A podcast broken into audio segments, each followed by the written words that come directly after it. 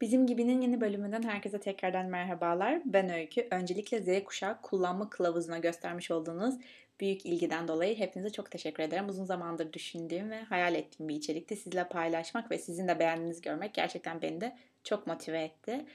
Paylaşacağım ikinci şey ise bizim gibi podcast kanalının artık bir Instagram sayfası var. Orayı takip ederek yeni bölümlerin ne zaman geleceğini haber verebilir ya da benimle isteklerinizi, şunları görmek istiyoruz gibi konuları benimle paylaşabilirsiniz o Instagram sayfası üzerinden. Bugün sizlerle iki tane içerikten bahsedeceğim. Bir film, birisi de Netflix'e bir dizi. İlk önce filmden bahsetmek istiyorum çünkü filmi daha çok sevdim. İlk filmin bir sinema filmi şu anda vizyonda Benden Ne Olur Aslı Kızmaz'ın aynı Benden Ne Olur adlı kitabının bir uyarlaması. Aslı Kızmaz'ı zaten çok severek takip ediyorum. Yıllardır hem YouTube'da hem de Instagram'da içerik üreticisi iş hayatından vloglar çekiyor ve gençlere de çok çok güzel örnek olduğunu düşünüyorum. Yani en azından bana çok güzel bir örnek oluyor. Hem çalışıyor hem bir ailesi var. Çok güzel dengesini yakalıyor. Özellikle Günübirlikçi serisi vloglarını izleyebilirsiniz. O da yetmedi Mesut Süre'ye katılmışlardı eşiyle ve çok tatlılardı. Onu da izleyebilirsiniz. Kitabı da beğenip hızlıca bitirmiştim. 2-3 yıl oluyor herhalde ve evdeki herkese de okutmuştum. Herkes çok beğenmişti. Başrolünde filme geçtiğimizde başrolünde Sertap sıkça benden ne olur sorusunu soruyor ve bulmaya çalışıyor. Bu soruyu eminim çocukluğunuzdan beri duyuyorsunuz. İşte büyüyünce ne olacaksın? Benden ne olur gibi. Lisede sormuşsunuzdur.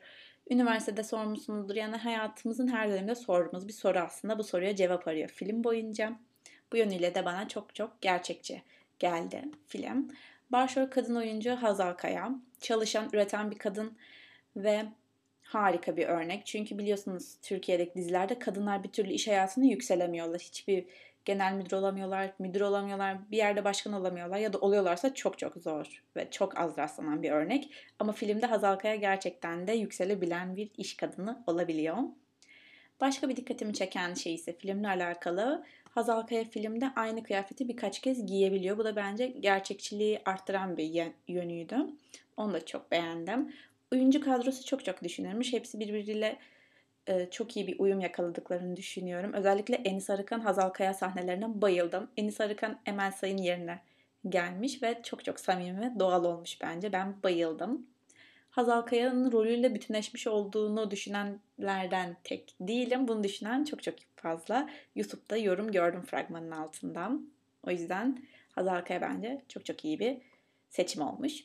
Filmin müziğini yani olaysız dağılmayalımı sinema salonundan çıktık. Direkt Spotify'da bu şarkıyı aradım ve hemen buldum ve o günden beri her gün mutlaka bir kez dinliyorum. Çünkü bana aşırı keyifli geliyor. Çok iyi hissettiren bir şarkı olduğunu düşünüyorum. Cem Belevi bu işi çok iyi halletmiş bence. Bayıldım ben. Sinemaya gitmek için çok güzel bir sebepti bence bu film. Ben bayıldım ve size de çok çok öneriyorum. Benden Ne Olur'dan sonra ikinci kitabı olmasa da olur çıkmıştı. Devam kitabı olarak. Umarım onun da bir filmi gelir ve izleme fırsatı oluruz. Buradan özellikle Aslı Kızmaz'ı tebrik ediyorum. Bir an sesim titredi fark ettiniz mi? İkinci olarak ise sırada Netflix dizimden bahsediyorum. Dizinin ismi oldukça uzun. Başını yakalarsanız mutlaka aramalarda zaten çıkacaktır. İsmi The Woman in the House Across the Street from the Girl in the Window. Çok çok uzun fark ettiyseniz.